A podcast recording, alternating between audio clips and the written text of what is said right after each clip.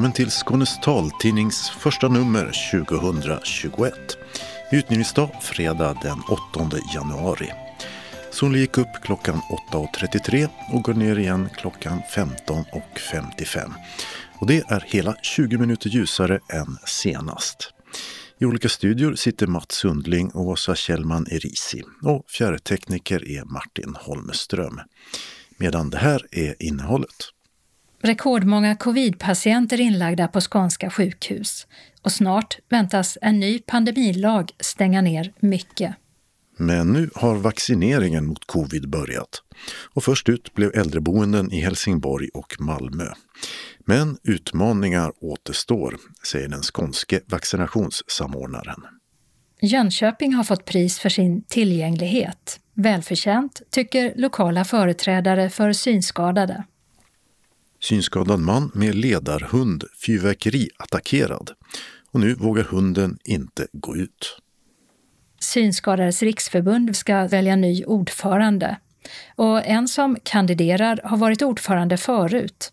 Tina Numi Södergren, den första kvinnan på posten.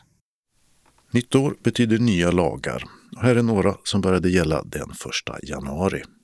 Vi började nya året med förra årets bästa taltidningsreportage. Ett som fick hederspris i tävlingen om Guldkassetten.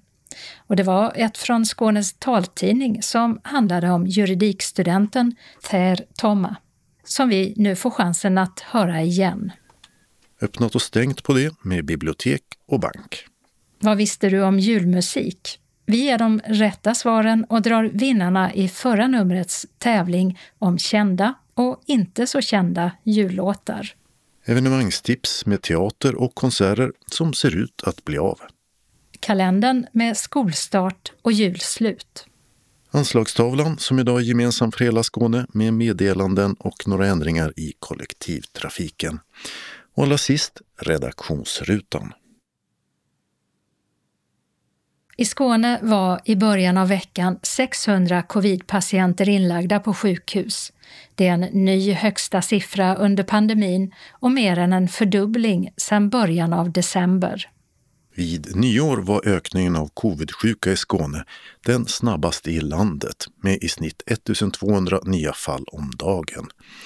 Men de senaste dagarna har den rapporterade spridningen av coronaviruset och antalet sjuka minskat.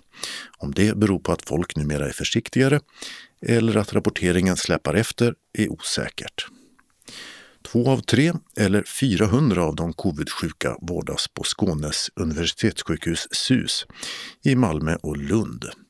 Där har ett tjugotal vårdavdelningar ställts om till att ta emot covid-patienter samtidigt som 14 operationssalar fått stänga. Planerade operationer har ställts in.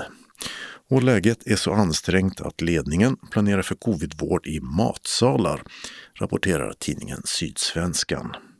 Häromveckan införde Region Skåne också ett så kallat krislägesavtal inom vården som gör att personalen kan tvingas jobba mer än heltid. Från och med den 7 januari rekommenderar Folkhälsomyndigheten att man använder munskydd i kollektivtrafiken i rusningstid. Och det gäller tills vidare. Och rekommendationen gäller på vardagar mellan klockan 7 till 9 samt 16 till 18. Skånetrafiken meddelar att de inte kommer tillhandahålla munskydd ombord på bussar och tåg. Men om man glömt det finns möjlighet att hämta ut det på Skånetrafikens kundcenter i Malmö, Lund, Helsingborg eller Kristianstad mot uppvisande av giltig biljett. Och nu på fredag kan riksdagen klubba en snabb framtagen pandemilag, covid-19-lagen kallad, som då kan börja gälla redan nu på söndag den 10 januari. Den ska ge möjlighet att stänga ner verksamheter och begränsa folksamlingar på platser som allmänheten har tillträde till i en högre grad än som är möjligt lagligt idag. I lagförslaget nämns kollektivtrafik, butiker, köpcentrum, serviceinrättningar som frisörer, gym, bibliotek, campingar, museer och djurparker. Och i lagförslaget står också att regeringen eller en kommun ska kunna införa förbud mot att vistas på till exempel badplatser eller i stadsparker. liksom i privata och offentliga lokaler som skolor, universitet, föreningslokaler eller festlokaler. Rapporterade Mats Sundling. Vaccineringarna mot covid-19 har inletts i Skåne. Men det finns flera utmaningar när man framöver ska vaccinera större delen av befolkningen i länet. Per Hagstam är vaccinsamordnare och biträdande smittskyddsläkare i Skåne. Ja, vi började i förra veckan med att vaccinera på ett antal äldreboende i Helsingborg och eh, även i Malmö. Och där har man vaccinerat dels de boende men även personalen. Och det har gått bra faktiskt hittills. Det har varit många bland de boende, som, eh, det stora flertalet, som har velat bli vaccinerade. Och, och, faktiskt många bland personalen också, så att det är glädjande. Hur snabbt man kan fortsätta det här nu och utvidga det, det beror väldigt mycket på hur mycket vaccin vi får. Och, och hittills har det kommit ganska lite, men det ska öka upp nu under, under januari och framförallt februari. Hur mycket har det kommit hittills till Skåne? Det allra första vi fick eh, förra söndagen det rörde sig bara om lite drygt 400 doser. Sen kom det i förra veckan så kom det ett eh, antal tusen doser som vi nu använder då för att vaccinera eh, den här veckan också på flera äldreboenden. Och det är Malmö och Helsingborg som man har börjat med, eller Helsingborg först och sen Malmö. Hur kommer det sig att man valde just de här orterna i Skåne? Det var väldigt mycket praktiska saker som avgjorde eh, det. Eh, just att man började i Helsingborg. Det var att eh, det var ju fortfarande helg då, förra söndagen den 27 och det gällde att hitta dels eh, vårdcentraler och dels eh, boenden där man var redo helt enkelt. Allt var klart för att starta vaccination och personalen kände sig redo och liknande och, och, och det var ett, ett, bra samarbete mellan vårdcentral och, och boenden. Så att det, det var mycket rent praktiska saker. Det här är ju en ganska komplicerad logistik kring det här vaccinet eh, som har kommit nu först, det som är Pfizers vaccin som ska förvaras i väldigt, väldigt kall temperatur och man har begränsad tid på sig när man har tagit ut ur frysen att kunna ge det. Så att då har det blivit så att, att man har fått eh, koncentrera det till några ställen som helt enkelt var redo att ta emot det. Men den här veckan hoppas vi att det är på fler ställen som kommer igång. Lund och Kristianstad ligger i startgroparna för att utöka nu här den här veckan. Och gruppen över 70 år, när tror du att man kommer att börja vaccinera dem? Första grupperna nu blir förutom då eh, äldre som bor på äldreboende och personalen så blir det också eh, de äldre som har omsorgsinsatser i hemmet. Eh, alltså hemsjukvård och övrigt omvårdnadsinsatser via hemtjänst och, så. De hoppas vi att man ska kunna nå här nu och, börja med att vaccinera också under januari. Sen därefter så kommer nästa fas kan man säga som kommer att rikta sig dels till alla som är över 70 år och också övrig sjukvårdspersonal. Och eh, bland de som då är, är, över 70 så kommer man eh, att försöka eh, ta det också där i, i åldersordning så att man börjar med de äldre årgångarna och sen så tar det successivt neråt i yngre grupper. Och är det februari man pratar om då eller när är det? Enligt planerna är det det, men återigen det beror helt på hur mycket vaccin som kommer till Sverige och till Skåne. Det är ju som sagt begränsat nu här i början och det kommer eh, en sorts vaccin då. Men om det går enligt planerna så kommer vi att från februari ha betydligt eh, mer vaccin att eh, hantera och kunna använda. Och det beror på om, om fler eh, vacciner alltså blir godkända här nu. Så man väntar bland annat det här vaccinet från AstraZeneca. Om allt går som planerat så kommer det ganska mycket av det vaccinet i februari.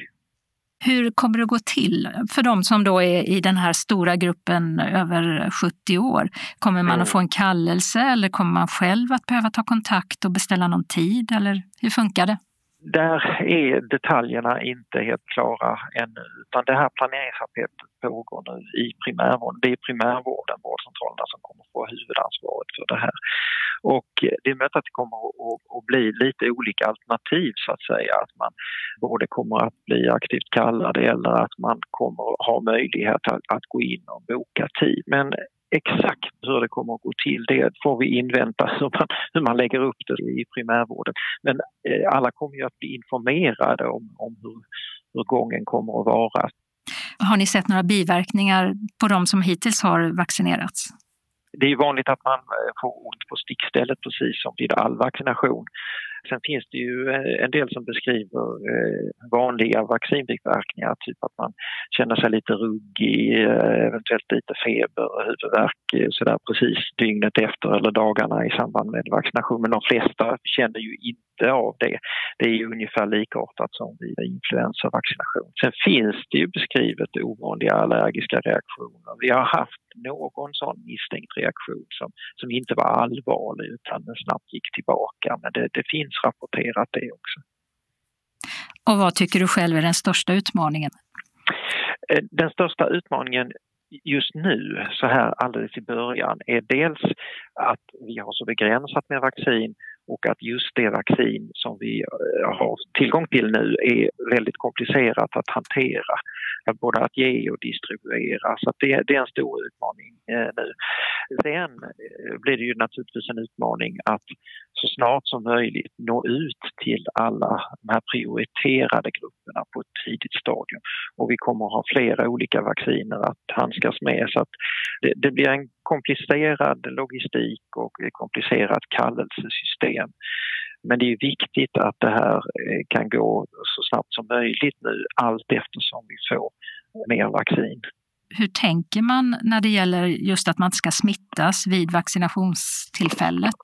Precis, det är ju också speciellt i år och det var ju likadant vid influensavaccinationerna nu i höstas. Så att den här säsongen får man göra på ett lite annorlunda sätt, att försöka göra det så smittsäkert som möjligt. Och det är ju att undvika då stora drop-in-mottagningar, att det uppstår trängsel i samband med vaccinationerna, där också undvika att, att man samlar ihop folk i väntrum och, och att det överhuvudtaget blir trångt i lokalen lokalerna. Så, så långt som möjligt tidsbokade besök, man får se över programsen och, och logistiken, så att säga flödet genom själva vårdcentralen. Sen som sagt så är det ju förhoppningsvis en del som också kan få vaccinationerna i hemmet av de som har mycket omsorgsinsatser och så, som har det väldigt besvärligt att ta sig till vårdcentralen.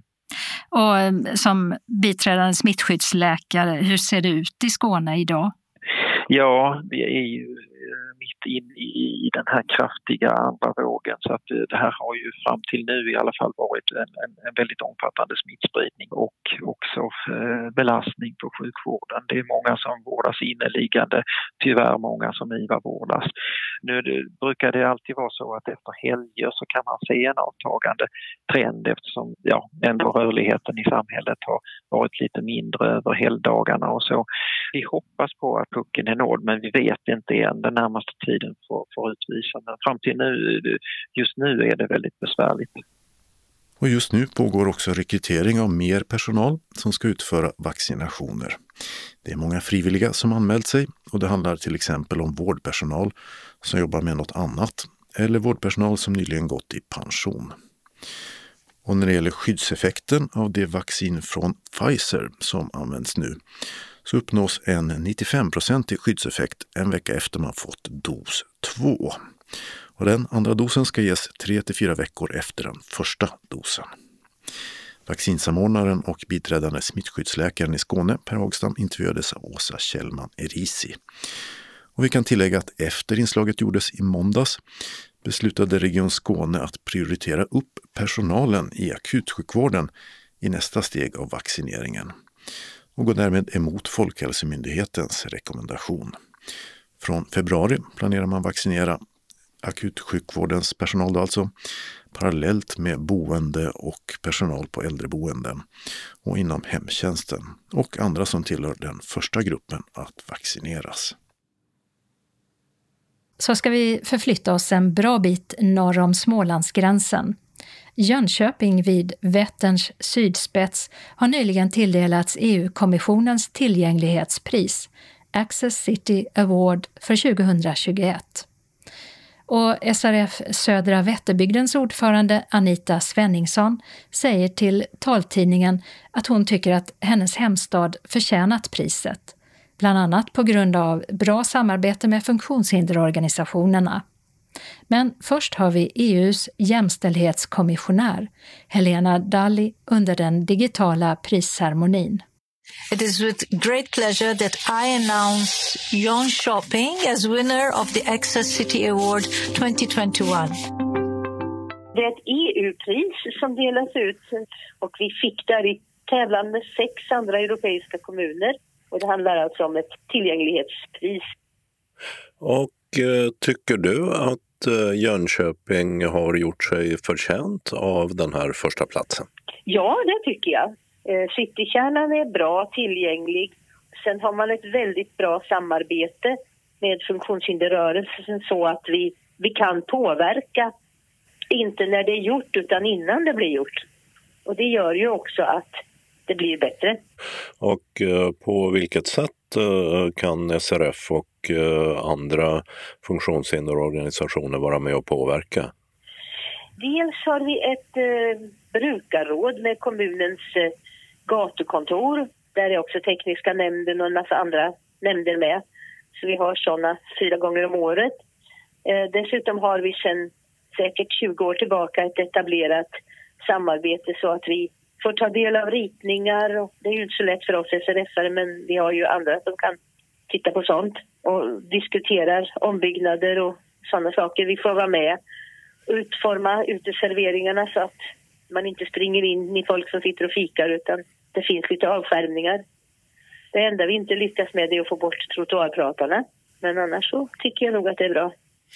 Har du några exempel på eh, något där ni har varit med och påverkat och där det kanske inte var helt rätt tänkt från början?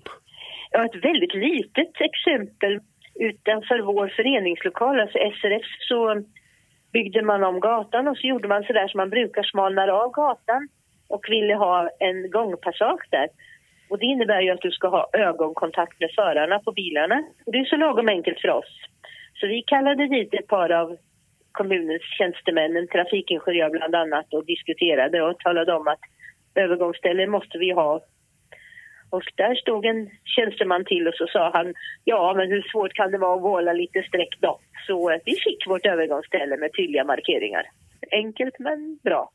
Finns det något större projekt i eh, staden där man har eh, tagit till eh, vara på era synpunkter? Ja, fast jag har inte sett det för det är inte färdigt än.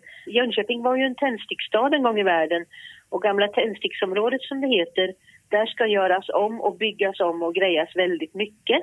Och där har vi fått vara med och ha synpunkter, bland annat på lutning i backar och liknande saker där har vi varit med redan från början. Nu är det bara att byggarbetsplatsen blir färdig så vi får se hur det tar sig ut i verkligheten. Tror du att eh, ett sånt här pris också ger någon form av eko och eh, resultat eh, framåt eller är det bara en hedersbetygelse så är det färdigt med det? Jag hoppas ju att det också ger någonting framåt. Det är ju faktiskt så att det är inte bara en papperslapp utan kommunen får ju 1,5 miljoner kronor ungefär. Och eh, vi hoppas att vi ska få vara med och påverka åtminstone vad man använder en del av de pengarna till. Och då syftar det ju också framåt. Hur är det? Har du redan eller har SRF redan idéer på hur kommunen skulle kunna använda pengarna? Jag skulle önska att man tittade på våra parker i stan och gjorde någon av dem med bra gångar att följa och lite tydliga kantmarkeringar som man kan göra. Och så kan man ju också tänka att göra gångarna inte med det mjukaste gruset utan att även våra kompisar med rullstol och rollator kan ta sig fram där. Det skulle jag gärna vilja se. Det hoppades alltså Jönköpingsbon och SRF Södra Vätterbygdens ordförande Anita Svenningsson, som även sitter i SRFs förbundsstyrelse. Övriga nominerade till EU-kommissionens tillgänglighetspris var Bremerhaven i Tyskland, Florens i Italien, Gdynia och Poznan i Polen samt Komotini i Grekland. Reporter var Dodo Parikas. Men i just Jönköping kastade någon eller några personer på nyårsdagen en smällare mot en synskadad man med ledarhund. Sveriges Radio rapporterar att hunden blev så rädd att den inte längre vågar gå ut. Och att föraren Per-Gunnar Engstrand säger att så här kan man inte ha det. Nu hoppas han på strängare regler om fyrverkerier. Polisen söker efter vittnen till händelsen. Vem ska leda Synskadades riksförbund? Ja, i några tidigare avsnitt så har vi tagit en titt på de som kandiderar för att ta över som förbundsordförande för Synskadades riksförbund när Håkan Thomsson i år lämnar posten. Idag har turen kommit till någon som faktiskt varit ordförande en gång förut. Jag heter Tina Nomi Södgren och jag har varit ordförande i SRF 2004 till 2011. Den första kvinnliga också. Ja, och nu kandiderar du igen. Mm. Fick du inte nog? jo, det var faktiskt ett av de uppdrag som jag värderar högst att jag har haft. Så det, var, det kommer jag alltid att sätta högst, att jag har varit SRFs ordförande. Men anledningen till att jag kandiderar nu igen det är att jag har fått frågan om jag kan tänka mig det. Och vid två tidigare tillfällen under den här perioden så har jag sagt nej. Ehm, men sen fick jag frågan här nu i slutet av november igen.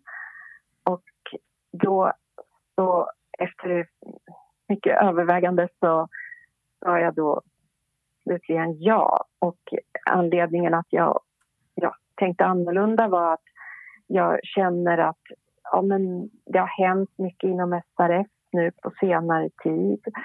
Um, ja, med den här statsbidragsansökan som inte gick in i tid men som sen tack och lov ju ändå blev beviljad eller ska prövas i vanlig ordning. Um, ja, saker kring det och så som har gjort att jag har känt att det är liksom mycket som händer i SRF och som känns svårt. Och när jag då fick frågan om jag kunde tänka mig att kandidera igen så tänkte jag att ja, jag har varit med och jobbat i SRF tidigare när det har varit svårt och jag har också jobbat i andra organisationer när det har varit svårt och sådär. Och då tänkte jag att ja, varför inte egentligen? Det går ju att kandidera igen och jag tänkte att ja, den möjligheten kan jag tänka mig att eh, ställa upp på. Men däremot så är det ju förtroendet som avgör och vad man vill ha för ledning i SRF slutligt. Mm. Ja, du var förbundsordförande och fick städa upp i den så kallade lägenhetsaffären som du fick ärva. Mm. Eh, ja. Om man tittar framåt, är det några intressepolitiska frågor som du tycker är viktigare att driva än andra? I hela mitt liv så har jag ju liksom värnat om att SRF ska finnas till för alla medlemmar. Och eh, jag tänker att det är viktigt att vi är en organisation som kan möta alla synskadade som också kan ha olika branschföreningar och så här, personer med fler funktionshinder, eh, personer med invandrarbakgrund, Ehm, eller som har kommit hit som flyktingar. Och jag tänker att eh, det också är viktigt att vi liksom, ja, tänker på olika åldrar och så där. Jag vill att, att alla ska kunna känna att man har en plats inom SRF. Um, ehm, och när jag tänker på utåtriktat arbete så är det ju väldigt mycket mänskliga rättigheter och ja, att finnas med i, i det övriga arbete som finns i samhället med de globala målen till exempel och att bli en, en självklar del av det. Liksom. Sen känner jag att det finns ju stora försämringar på områden som rehabilitering och så som är svåra att frånse men det är också viktigt att en kommande ledning inom SRF kommer att, att jobba med de frågorna innan hela finansieringen för för rehabiliteringen försvinner, liksom den samhällsfinansierade. Och, eh, att man tar tag i det och ser till att det organiseras på ett nytt sätt. Jag tänker på folkhögskolekurserna som har försvunnit i stora delar av Sverige och så. Och även heminstruktörer och så som har försvunnit från många kommuner och där man hänvisar mycket tillbaka till syncentralerna men de kan ju inte ta över allt det arbetet. Det finns ingen möjlighet. Det är andra funktionshinderpolitiker, om vi får kalla det för det, eh, och synskadeföreträdare som har talat om att utvecklingen inom funktionshinderpolitiken och i samhället i Sverige går åt fel håll. Det går bakåt. Vad säger du om det? Ja, alltså i vissa fall gör det ju det. Eh, på andra sätt så, så lyckas man ju ändå ha kvar vissa delar. Jag tänker mm, för, för ett tag sedan så var det ju det som kallas för handikappersättningen, ett gammalt ord, men som ändå blev kvar då efter att SRF och Dövas riksförbund kämpade för det. Då. Annat går ju helt klart bakåt och jag tänker till exempel man, man tittar på ja, assistansersättningen och sådana saker som där SRF heller fortfarande inte har del av LSS och där det inte verkar som att man tänker göra någon del av, av ledsagning inom LSS och så, vilket ju skulle kännas naturligt att man tänkte in i den rättighetslagstiftningen och det verkar ju långt borta. Så jag håller med om att det är ett hårdnande samhällsklimat och att det både verkar svårt att avancera och att det faktiskt går bakåt på en, på en del områden. Så att eh, det är ju en tuff tuff situation att komma in i och man måste ju liksom gå in i hur det ser ut nu och eh, ja, arbeta utifrån det och försöka slå vakt om våra intressen på alla sätt och samarbeta med andra organisationer som också jobbar för att våra rättigheter ska lyftas fram när vi jobbar med att genomföra samhällsutveckling och att vi ska få vara en naturlig del av det, helt enkelt. Korta biografiska data. Ålder? Mm. Mm. 55 har jag hunnit bli. Ja. Bor i Huddinge? Ja, det stämmer. Har ledarhund? Ja, en svart labrador numera som heter Abba, som popgruppen. Ja. Och har gjort i korthet sen du var förbundsordförande nu under de senaste nio åren blir det då? Jag har jobbat som ombudsman i Stockholm och Gotland, distriktet. Ehm, jag har jobbat på My Rights, biståndsorganisationen där jag varit ordförande och sen generalsekreterare. Och nu senast så jobbar jag inom ett projekt som jobbar med funktionshinderperspektiv på de globala målen, Agenda 2030 och kopplingar till konventionen och andra rättigheter i samband med det. Då. Och jag utbildar där, och det håller jag på med just nu. Du har varit förbundsordförande förut och det är du väl ensam i historien om att kandidera igen. Hur sugen är du? Um, alltså, det är så här att jag har ju varit SRFs förbundsordförande så jag måste inte bli det igen. Utan jag ser det mer som, alltså vill medlemmarna att jag ska leda SRF igen, då, då är det en möjlighet nu. Men eh, om man inte känner det utan vill se en annan typ av ledning, då är det, det är lugnt för mig. Men skulle jag få förtroendet och det håller ända fram, då kommer jag naturligtvis att ge mitt yttersta för att leda SRF i den situation som är nu och i det samhällsskeende som är nu och göra mitt allra bästa för att det ska bli så bra som möjligt. Det sa Tina Numi Södergren, SRFs förbundsordförande mellan 2004 och 2011 och som alltså kandiderar till posten igen. I tidigare nummer har vi hört kandidaterna Niklas Mattsson och Victoria Öjefors Quinn. Och i kommande ska vi höra fler. Intervjuade gjorde Mats Sundling. Nyår betyder nya lagar. och Här är några av dem som började gälla då. RUT-avdraget utvidgas till fler tjänster. Nu kan man till exempel göra avdrag för att låta ett företag skruva ihop möbler eller koppla ihop teknisk utrustning. Det blir även möjligt att göra avdrag för att köra uttjänta saker till återanvändning, att få kläder omsydda eller att lämna in tvätt till en tvättinrättning. Taket för rutavdraget höjs samtidigt till 75 000 kronor. Skatteklyftan mellan pensionärer och förvärvsarbetande tas bort. Det vill säga pensionärer ska betala lite mindre i skatt. En skattereduktion för förvärvsinkomster på upp till 1500 kronor införs under året. Räntan slopas samtidigt på uppskjuten beskattning av vinst vid bostadsförsäljning. Och en skattereduktion införs för gröna investeringar som bland annat ersätter det så kallade solcellsstödet. Lättnaden av arbetsvillkoret i arbetslöshetsförsäkringen förlängs i två år. Och det gör också de tillfälligt höjda ersättningsnivåerna i a-kassan, bägge med anledning av coronapandemin. Studielånet för vuxna som tidigare haft jobb kan höjas med tillägg på 1000 kronor per månad. Kostnaden för ett nytt pass höjs från 350 till 400 kronor medan tv-avgiften sänks med 67 kronor per person och år. En hel del nya lagar rör brott och straff. Nu ska unga brottslingar kunna dömas till hemarrest, övervakad av elektroniska fotbojor. Obetalda böter ska lättare kunna omvandlas till fängelse om man till äventyrs vägrar betala trots ekonomiska möjligheter. Kraven sänks för att vapenbrott ska bedömas vara synnerligen grovt och maxstraffet höjs till sju år. Och fler typer av vapenbrott ska bedömas som grova. Medan fordon med obetalda p-avgifter på över 5 000 kronor ska få användningsförbud.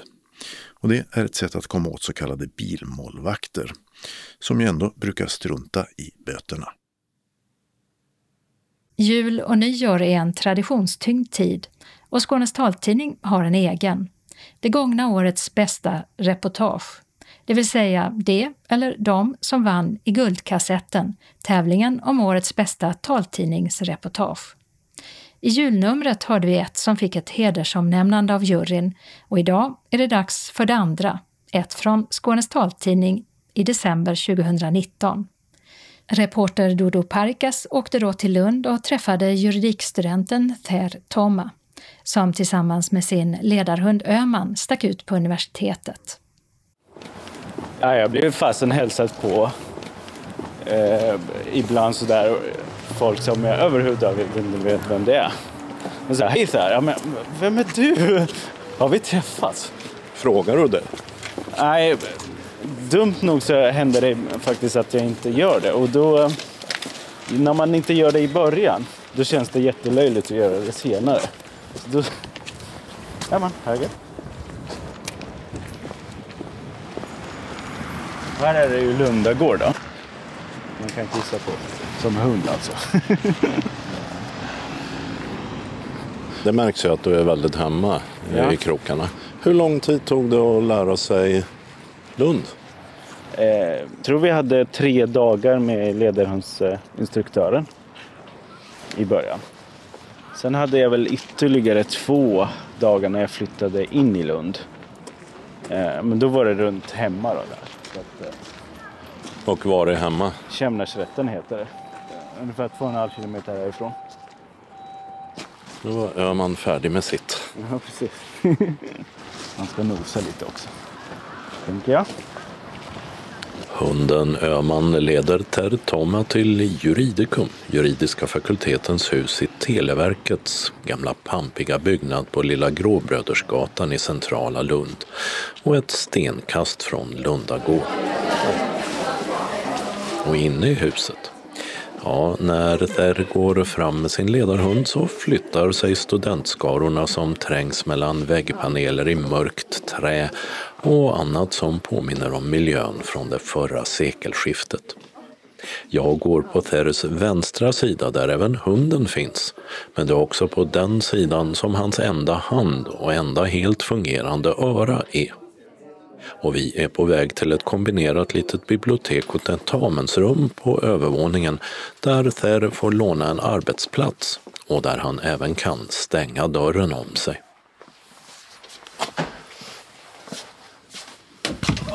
Nu är man tillbaka i sin håla. Känns det så? Ja, alltså det, jag tycker det är ganska skönt att ha ett lite eget ställe man kan vara på. När man är klar med du vet, seminarier så här, om man är trött i huvudet. Så kan man sätta sig här lite. Det är ett ganska litet rum ändå. Och så är det böcker från typ golv till tak tror jag. På alla sidor. Och gamla böcker. Och det är alltså böcker från typ, jag tror det är 1860-talet och framåt. Eh, och det kan bli rätt dammigt faktiskt här inne om man inte har något fönster öppet. Och din hund Öman har sin egen korg här. Ja. Han tyckte det var för kallt att ligga på golvet hela dagarna. Eh, Jag brukar ha fönstret öppet och sådär. Men nu är han rätt glad att komma hit faktiskt. Har du fått några kommentarer eller, vet om andra studenter har eh, kommenterat det? Va? En hundkorg inne i tentarummet.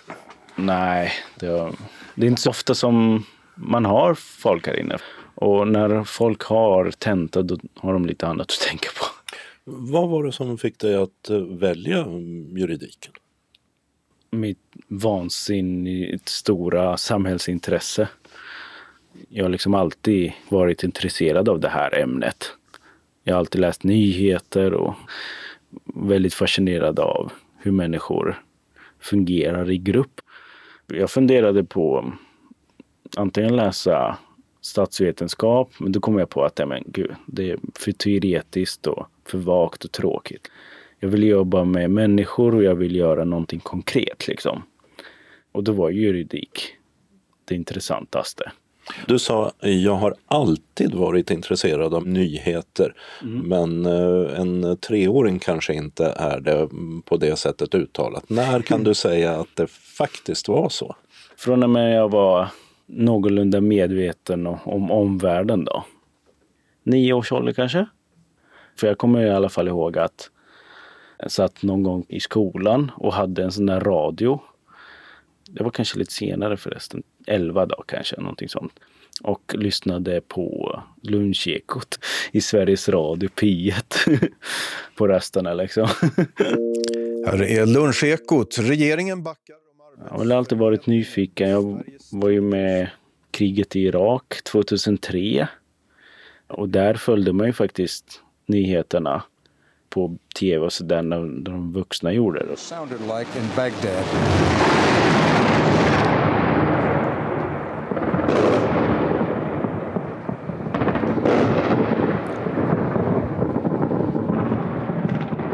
Alla rykten och alla bilar som for fram och tillbaka. Militärfordon och allt sånt där. Så att man blev lite intresserad ändå. Och eh, hur gammal var du då? Eh, nu ska vi se, jag var väl... Eh, jag är född 94. Och det här var väl 2003. Eh, nio va? Nej, jag är tyvärr värdelös i matte. Det är kanske en annan anledning till juridikintresset. Man brukar skoja om här hela tiden. Att eh, ambitiös men värdelös i matte, då, då blir man jurist. Och nio år, du sa bilarna, militärfordonen for fram och tillbaka. Det såg du fortfarande då? Ja, för alltså, jag råkade ut för en bomb då. Och det här skedde då i juni, fyra månader efter eh, invasionen då. Så att man hann ju se lite saker och ting. Ehm, Vad har du för bildminnen från det? Ja, så man eh, såg ju alltid de här eh, pansarfordonen som amerikanerna hade. Jättefascinerande förresten. Snygga bilar. Pansarvagnar och stridsvagnar och sånt där. Och det här var början liksom, när de fortfarande anföll då. Och så eh, ljöd då flyglarmet. Du vet den här förskräckligt ljud faktiskt. Eh, men i alla fall. Så, ehm, så vi tog oss upp på taket för att titta vad som hände. Ganska korkat i och för sig. Såg man två vita linjer i himlen liksom. Raketer då. Som sköts iväg. Och då hamnade jag ungefär fem kilometer ifrån där vi var. Och det skakade och, och mm, liksom blixtrade och sådär. Sen var vi där dagen därpå. Sprang dit och kollade. Och då var halva huset som de hade skjutit på borta. tänkte att de hade liksom skurit upp huset i mitten med en kniv. Så såg det ut. Så man kunde se in i rummen. Du var inte rädd? Nej, inte då tror jag. Är man rädd när man är nio? Det vet jag inte. Jag kommer inte ihåg i alla fall. Men vad hände när du själv skadades? Mm. Ja, eh, då var vi ute och lekte och eh, jag plockade upp en eh, Känner du till de här raketgevären? Inte som mycket. ryssarna brukar ha för att skjuta stridsvagnar med. Det, det ska ha tydligen ha varit en sån där tändhatt på en sån. Inte säkrad då. Så att jag, jag tog upp den och eh, lyckades då, antar jag, få igång den på något sätt i handen. Eh, så den exploderade. Det jag minns i alla fall att det ringde något så fruktansvärt i huvudet. Sen kände jag ingen smärta och sådär. För jag hamnade väl i chock, antar jag. Och svimmade väl därefter. Um, och sådär. Um, ja. Och mm, sen någon gång måste du ju ha vaknat upp. Jag har lite minnesbilder av att jag var förfärligt törstig. Och då låg jag väl på sjukhuset där tror jag. De höll på att operera mig och sådär rätt många timmar. Sen vaknar man väl i, i sjukhussängen då. Och då såg du inte? Precis. Exakt.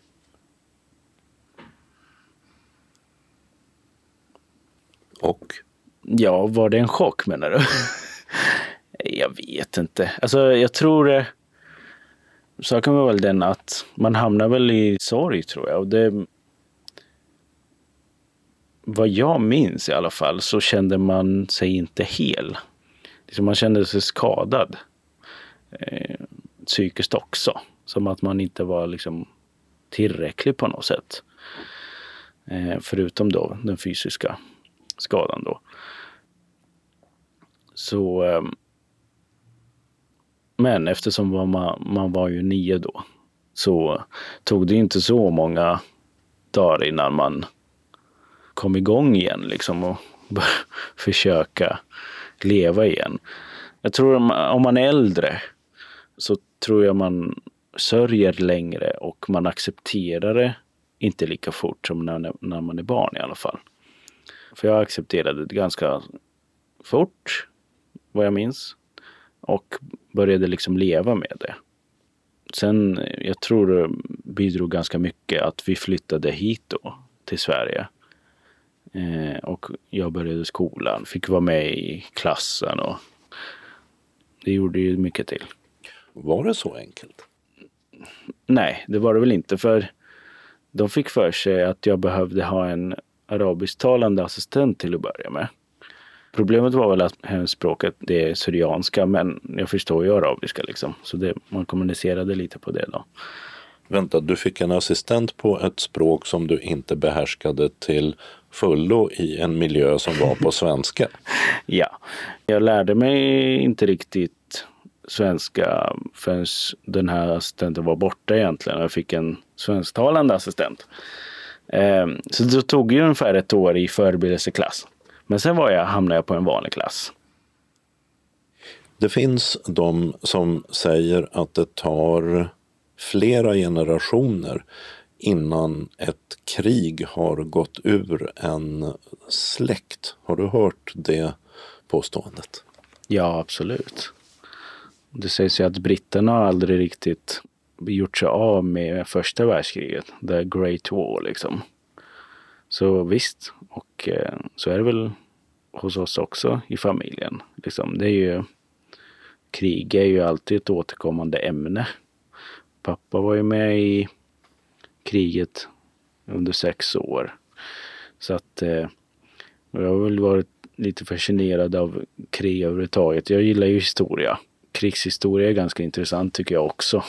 Allt som har med andra världskriget att göra, Napoleonkrigen, romarna, Djingis khan. Det är ganska mycket krig. I skönlitteratur och sen historiska framställningar också. Är det berättelser om människornas liv eller Mm. är det hur generalerna tänkte och hur truppuppställningarna var? Både och. Det är ganska intressant rent intellektuellt liksom att se hur strategin såg ut och så. Men det är ju ännu mer fascinerande när man hör om hur människor hade det. Jag har ju läst dagböcker från krig och ta till exempel, det finns en serie om första världskriget om liksom enskilda som Det är Peter Englund. Peter Englund, ja. Eh, Stridens skönhet och sorg heter det väl. Otroligt spännande. Eh, och alltså, eftersom man har själv eh, upplevt krig så kan man ju känna igen sig lite. Är det någon form av bearbetning för dig själv tror du att eh, läsa det här? Jag är ingen psykolog, men jag tror inte det. Det är, det är inte så att jag sitter och liksom arbetar igenom mina egna issues när jag läser det här, utan det gör jag av intresse liksom. Vad har du mer för eh, intressen i tillvaron? Vet inte, sjunger i kör. Juridiska föreningens egen kör. Vad sjunger ni?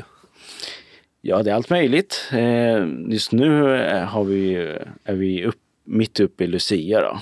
Vi har någon sån där Lucia, eller Pepparkakeland, den, den låten, är omgjord till blues. Eh, Nu ska vi se hur... Jag är med, sjunger med i basen där. Så vi, kör ju bara så här... Dom, Totom, totom, totom, totom, tom, totom, totom, totom, totom. Så, ungefär. Så, ja. Det är väl någon text också? Absolut, men det är inte vi som sjunger utan vi kör ju bas, basarna kör bara liksom rytmen. Tom, totom, totom, totom, totom, tom, totom, totom, totom, totom. Där hängde du upp en svart jacka med kapuschong bredvid den vita käppen. Hur ser du ut i övrigt? Hur lång är du? Jag är nog 70 ungefär, tror jag. Och eh, vad kan du mer berätta om hur du ser ut? Ja, eh, svarthårig är jag. Typ fem millimeter kanske, längst bak, längst ner. Och så och lite lugg. Ja, precis. Lite längre. Kanske en och en halv centimeter. Glasögon. Svarta så här solglasögon. Fyller de någon eh, funktion? Nej, alltså jag har proteser egentligen, ögonproteser. Men jag gillar inte att ha dem på mig. Varför gillar du inte att ha på dem? De trillar ut hela tiden. Vad är mer karaktäristiskt för ditt utseende? Jag eh, saknar högerhanden upp till eh, ungefär fem centimeter under armbågen. Så jag är ganska karaktäristisk om någon vill ge sig in elementer liksom. Ehm, jag är slätrakad just nu i alla fall. Ganska, vad säger man? Trubbig näsa, eller vad säger du? Du kanske kan... Mm, ja, både och skulle jag säga. Lite bred och lite spetsig. Ah, Okej, ja. Men från sidan kanske den ser trubbig ut. Jag är inte så Ja, bra på att syntolka. Vad har du för klädsmak? Just här brukar jag alltid gå omkring med skjorta. Vit eller svart, eh, rosa och allt möjligt. Jeans, blåa jeans alltid. Eftersom jag har hund som har en sån päls som syns hela tiden på svarta kläder.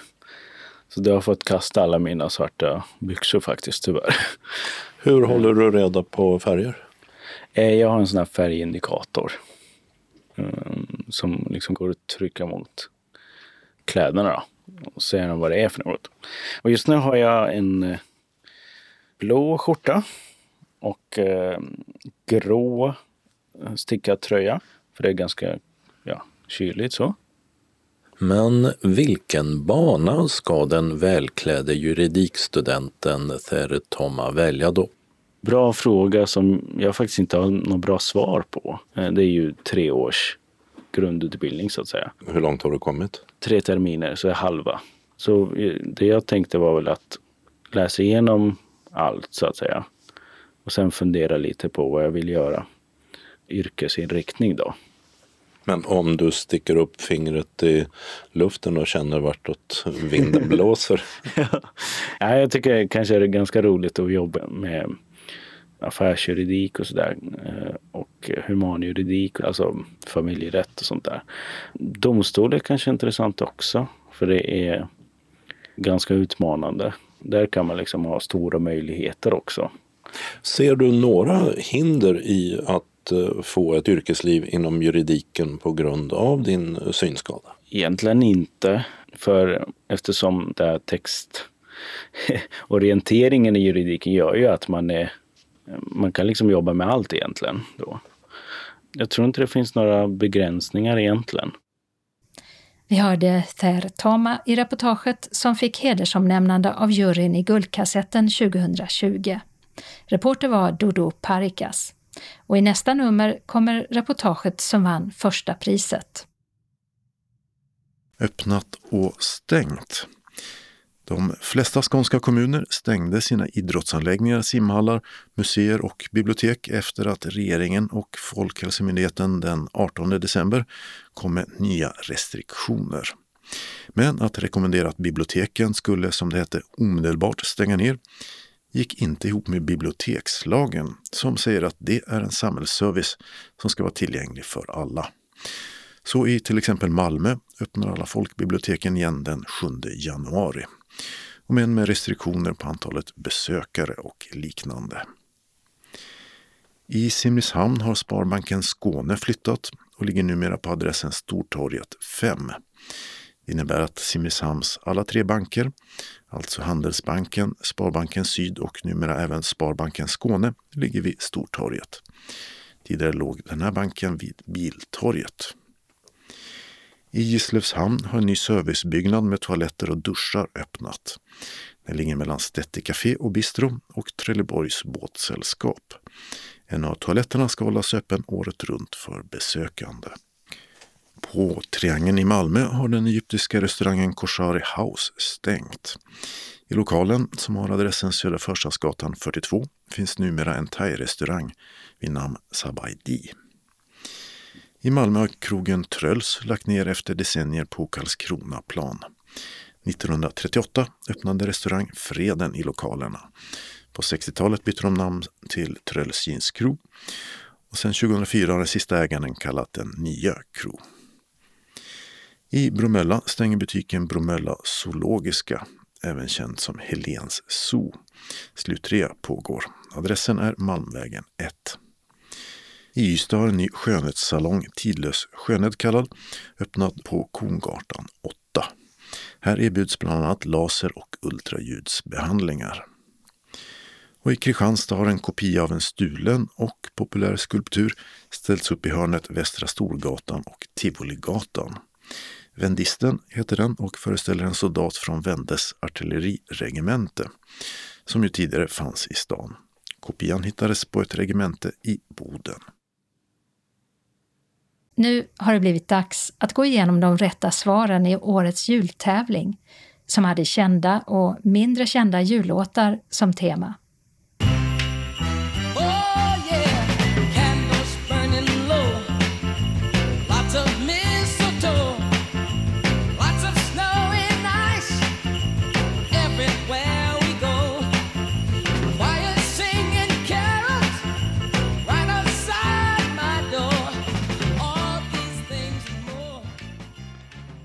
I den första frågan undrade vi vad den här sångaren som är blind heter. Och rätt svar är Stevie Wonder, en tvåa. I fråga två hörde vi en låt om en flicka som önskar sig ett annorlunda djur i julklapp. I want a hippopotamus for Christmas Only a hippopotamus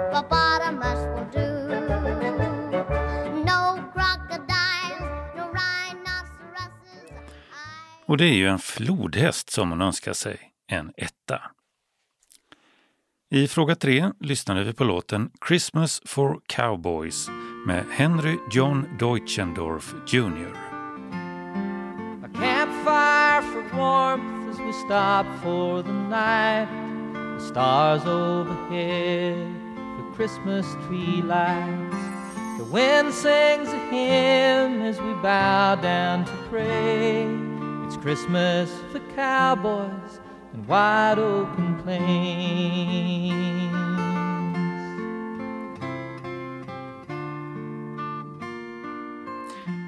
Och han är betydligt mer känd under namnet John Denver, ett kryss i fråga 3. Och sen var det Tore Skogman. Kallskinka, kallskinka, kallskinka vi får från din himmel ska du vinka i år efter år. Kalle skinka, kall skinka, kall skinka vi får. Ner i magen ska du slinka i år efter år. Kalle skinka, kall skinka, kall skinka vi får. Från din himmel ska du vinka i år efter år. Kalle skinka, kall skinka, kall skinka vi får. Ner i magen ska du slinka i år efter år. Och den här låten heter i original Kalinka och det är en rysk folkvisa från 1860 som egentligen är en hyllning till olvonbusken. Det blir alltså en tvåa i fråga fyra. I femte frågan hörde vi Joy to the World framförd av The Queen of Soul.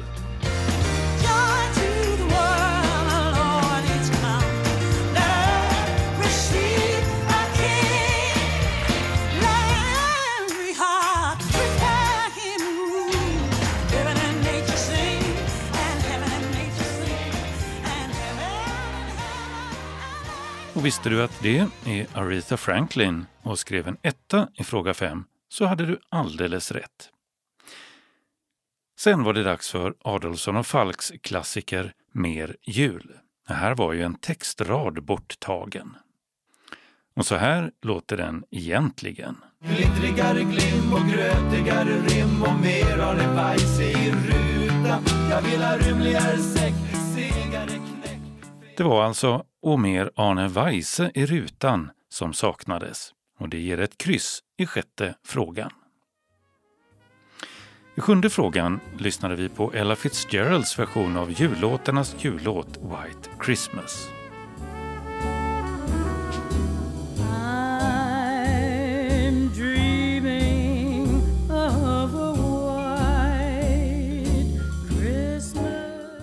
Och om man lägger ihop alla olika versioner av låten som olika artister har spelat in så har de tillsammans sålt runt 100 miljoner skivor. Alltså en tvåa i fråga 7.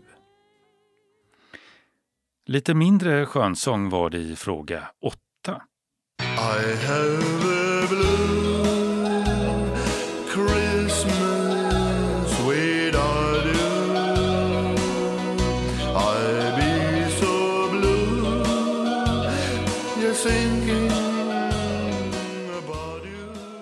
Och detta är Husum Elvis eller Eilert Pilarm från Ångermanland och det ger ett kryss i fråga 8.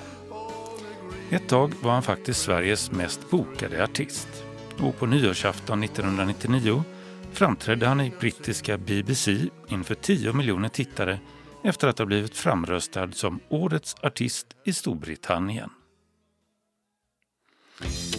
I den nionde frågan sökte vi namnet på bandet som önskar sig en brandbil eller ambulans i julklapp.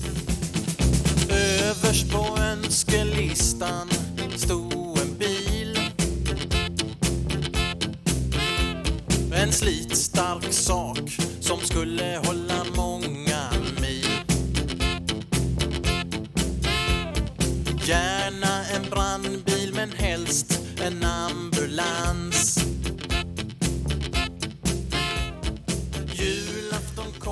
Och det här bandet heter Torsson, vilket ger en etta i fråga 9. Låten heter för övrigt överst på önskelistan och finns på albumet En rökare i krysset. Och sen var det bara fråga 10 kvar där vi sökte namnet på balletten.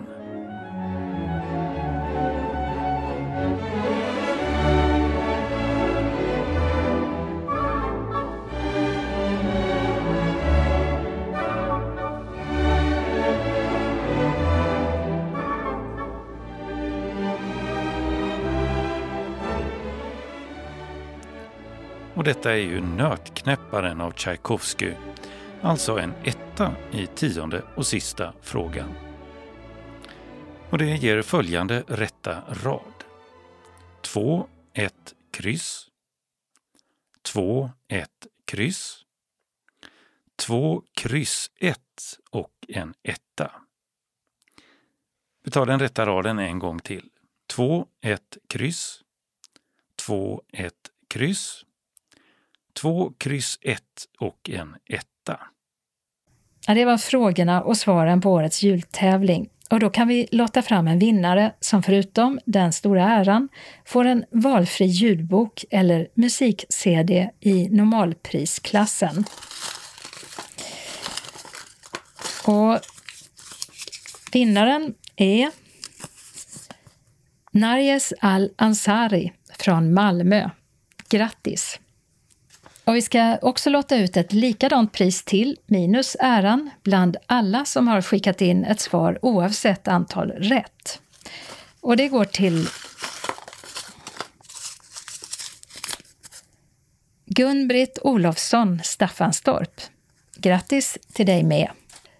Och vi utlovade ett pris till, en T-tröja eller mugg med vår fina logotyp på. Och det går till Inger Persson Skurup. Grattis till vinnarna och tack till alla som deltog. Tävlingsredaktör var Martin Holmström. Evenemangstips. Och de är inte så många den här veckan eftersom mycket håller stängt.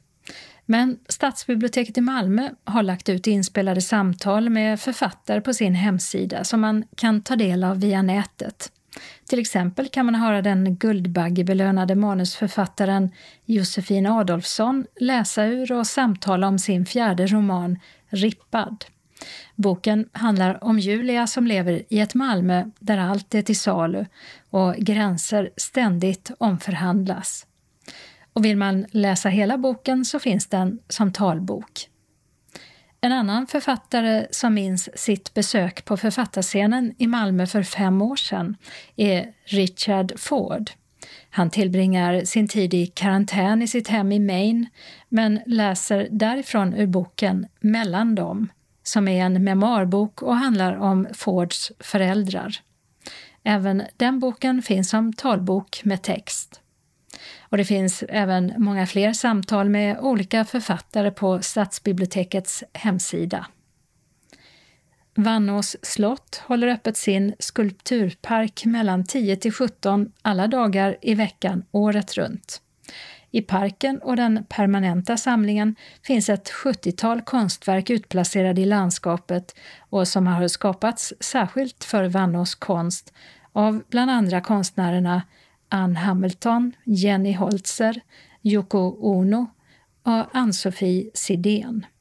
Skulpturparken har årligen cirka 75 000 besök och området är stort och omfattar 40 hektar. Däremot så håller konsthallen stängt. Och vi har några tips på evenemang som äger rum inomhus och på plats längre fram som just nu ser ut att bli av. På Hässleholms kulturhus och i den röda salongen uppträder Quattro, Hans Paulsson på piano och Göran Sölcher gitarr med Ariel Roots den 13 februari klockan 16 till 17.40. På repertoaren finns allt från Bach till nyare tongångar av Daniel Börtz och dessutom ett uruppförande av Ylva Fred som 2019 tilldelades Sten Bromans tonsättarstipendium. Biljetter säljs enbart via Kulturhusets biljettkassa. Föreställningen Far och flyg med Alfons Åberg ges på Borgenscenen i Osby den 14 mars klockan 15. Det är en dramatisering av Håkan Klamas i samarbete med Gunilla Bergström och som bygger på böckerna Alfons och hemliga Molgan, Ajabaja Alfons Åberg och Flyg, sa Alfons Åberg. Och föreställningen innehåller både skoj och skratt och sång och musik. Biljetterna säljs av Ticketmaster och kostar 175 kronor. Och man uppmanas att ta med sittkudde till sina barn. På Ystad teater uppträder Man in Black Den 25 mars klockan 19. Man in Black är en föreställning där Peter Jezewski och Karin Risberg tolkar countrystjärnorna Johnny Cash och June Carter på sitt eget vis. Låtar som Ring of Fire och Walk the Line är några av dem som framförs. Biljetterna säljs av bland andra Eventim och kostar 540 kronor. Biljettinformation Eventim, telefon 0771 65 10 00. Malmö stadsbibliotek 040 660 85 00. Borgen i Osby 0479 125 25. Vannås slott 044 660 71. Hässleholms kulturhus 0451 26 66 70. Kalendern årets andra vecka 2021 börjar med måndagen den 11 januari då Jan och Jannike har namnsdag. För en del grundskole och gymnasieelever börjar vårterminen denna dag, andra började redan i förra veckan eller väntar tills på tisdagen. Men frågan är om det blir skolgång på distans eller på plats. Och om man lyssnar till vad som står i Bondepraktikan så får vi hoppas på en kall januari. För är januari varm blir skörden arm. Och dansar myggen blir det ett svårt foderår. Tisdagen den 12 januari har Frideborg och Fridolf namnsdag. I riksdagen är det interpellationsdebatter där finansminister Magdalena Andersson, utrikesminister Ann Linde och infrastrukturminister Thomas Eneroth, alla socialdemokrater, svarar på frågor från ledamöterna. Ämnen som tas upp är bland annat bankskatten, ekonomiskt krisstöd och en konvention om förbud mot kärnvapen. Vill man följa debatterna startar direktsändningen via riksdagens webb-tv klockan 13. Onsdagen den 13 januari är det dags för årets första partiledardebatt, där partiledarna för alla riksdagspartier får chansen att argumentera för den politik de vill föra. Debatten sänds direkt från klockan 9 på morgonen på riksdagens webb-tv, men går också att lyssna på i efterhand. För 30 år sedan besattes tv-tornet i Litauens huvudstad Vilnius av sovjetiska trupper. Tusentals självständighetsivrare hade samlats vid tornet och när sovjetiska stridsvagnar attackerade dem dog 14 demonstranter och cirka 700 skadades. Litauen förde en kamp för att bli självständigt från Sovjetunionen och redan 1990 utropade landet sig självständigt som första land i det dåvarande Sovjetunionen. En ekonomisk blockad följde och sen även militärt våld innan Sovjetunionen erkände den forna republiken som självständig i augusti 1991. För hundra år sedan gick Bondeförbundet och Jordbrukarnas riksförbund samman och bildade Bondeförbundet som blev ett riksdagsparti. Först 1957, i samband med att partiet behövde bredda sitt väljarunderlag, bytte man namn till Landsbygdspartiet Centerpartiet som senare förkortades till Centerpartiet. Och så är det dagen då julen är slut och julgranen ska ut eftersom det är 20 Knut, eller Knutsdagen, och självklart är det just Knut som har namnsdag. Torsdagen den 14 januari heter namnsdagsbarnen Felix och Felicia. För tio år sedan flydde den tunisiske diktatorn Ben Ali till Saudiarabien för att komma undan en uppretad befolkning. En utlösande faktor till folkupproret var att en grönsakshandlare några veckor tidigare bränt sig själv till döds i protest mot polisbrutalitet som han utsatts för. I ett försök att lugna befolkningen i Tunisien hade diktatorn kvällen innan flykten i ett tv-tal utlovat pressfrihet och lägre matpriser. Men upproret gick inte att stoppa och var också startskottet för den arabiska våren. I riksdagen är det ännu en dag med interpellationsdebatter.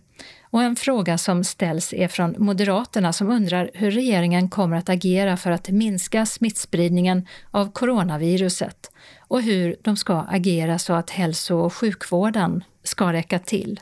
Även Sverigedemokraterna har en fråga om viruset och undrar om covid-19-pandemins effekter på befolkningens psykiska hälsa.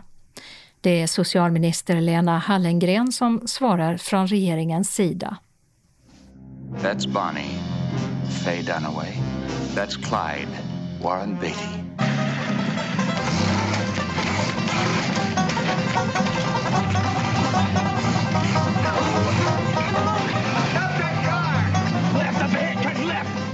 Det här är filmmusik ur filmen Bonnie and Clyde från 1967 där den amerikanska skådespelaren Faye Dunaway spelar den kvinnliga huvudrollen Bonnie. Faye Dunaway fyller 80 år och några av hennes andra filmer är till exempel De tre musketörerna, Chinatown och Skyskrapan brinner. Fredagen den 15 januari är det Laura och Lawrence som har namnsdag och det är 20 år sedan nätuppslagsverket Wikipedia grundades. Lördagen den 16 januari har Hjalmar och Helmer namnsdag. Och söndagen den 17 januari är det 30 år sedan allierade trupper under USAs ledning startade luftkrig mot Irak som i USA gick under namnet Operation Ökenstorm. Detta efter att Irak hade ignorerat Förenta nationernas krav att senast den 15 januari 1991 dra sig tillbaka från det ockuperade Kuwait. Och det irakiska flygvapnet slogs snabbt ut av anfallet. För 30 år sedan dog Olav den femte kung av Norge och Harald den femte blev kung av vårt grannland i väster. Och det är han fortfarande. Namnsdag har Anton och Tony.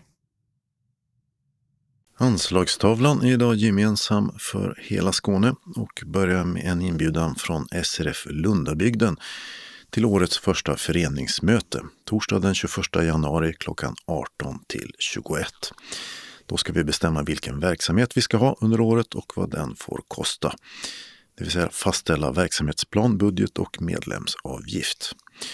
På grund av coronapandemin arrangeras det som ett telefonmöte, men man kan även delta på plats i föreningslokalen på Tordönsvägen 4i i Lund. Kommer du dit bjuds du på en lättare förtäring. Till de som anmäler sig till telefonmötet kommer deltagarkoder att meddelas. Och från den 1 december är kansliet numera bemannat på heltid av Desiree Forsman. Sista anmälningsdag till det här mötet är den 14 januari på telefonen 046-211 06 74. Eller så e-postar du till srfkansli.lundabygden bredband.net. Till samtliga medlemmar i SRF Ängelholm Båstad. På föreningens styrelsemöte den 9 december meddelade styrelsens ordförande Anna Balte samt ledamöterna Per-Arne Andersson och Stina Bodil Andersson att de med omedelbar verkan lämnar sina uppdrag i föreningens styrelse. Sen tidigare har även ledamoten Marianne Jönsson lämnat. Med anledning av den uppkomna situationen har SRF Skåne beslutat tillse att en interimstyrelse bildas för tiden fram till årsmötet och utsett distriktets kassör Anders Modell till dess ordförande. Utöver Anders består styrelsen av Conny Jansson som valdes till styrelseledamot på SRF Ängelholm Båstads årsmöte i februari 2020. Interimsstyrelsen kommer i princip endast att ha två uppgifter. För det första att avsluta verksamhetsåret 2020 innebärande framtagande av verksamhetsberättelse och årsbokslut. Och för andra att förbereda och kalla föreningens medlemmar till årsmöte, vilket preliminärt kommer att hållas lördag den 27 februari 2021. På det, senare då alltså, har medlemmarna att fatta beslut om föreningens framtid. De alternativ som finns är A. Att tillsätta en styrelse som driver föreningen vidare B. Att besluta om att föreningen ska gå samman med SRF Västra Skåne under förutsättning av att SRF Västra Skånes medlemmar fattar ett motsvarande beslut. Eller C. Att besluta om att föreningen ska vara vilande till dess förutsättningar finns för att driva den. Den information om föreningens framtid som den tidigare styrelsen nyligen skickat ut kan ni bortse ifrån. Interimsstyrelsen kommer i början av det nya året att skicka ut ny information om de olika alternativen som årsmötet kommer att behöva ta ställning till samt konsekvenserna av respektive alternativ. Undertecknat styrelsen för SRF Ängelholm Båstad genom Anders Modell som också besvarar eventuella frågor på telefon 070-540 51 34 eller e-post Anders mardell med två L snabela outlook.com. Och vi avslutar med några tillfälliga förändringar i kollektivtrafiken som börjar med att konstatera att det sedan strax innan jul råder inreseförbud till Sverige från både Danmark och Storbritannien. Anledningen är en ny variant av coronaviruset som regeringen hoppas stoppa på det viset. Svenska medborgare kan ju alltid resa in i Sverige. I Trelleborg är Havrejordsvägen avstängd längre än planerat och stadsbuss 2 hållplatser Högalid och Högalidsvägen fortsätter vara stängda till måndag den 11 januari klockan 16. Till dess ersätter hållplatsen Söderslättshallen. I Malmö ska man bygga ett övergångsställe på Hyllie allé, vilket från måndag den 11 januari klockan 9 stänger stadsbuss 33 hållplats Hyllie allé läge A. Med hänvisning till hållplatsen Hyllie B som ligger på Hyllie Boulevard cirka 500 meter åt nordväst.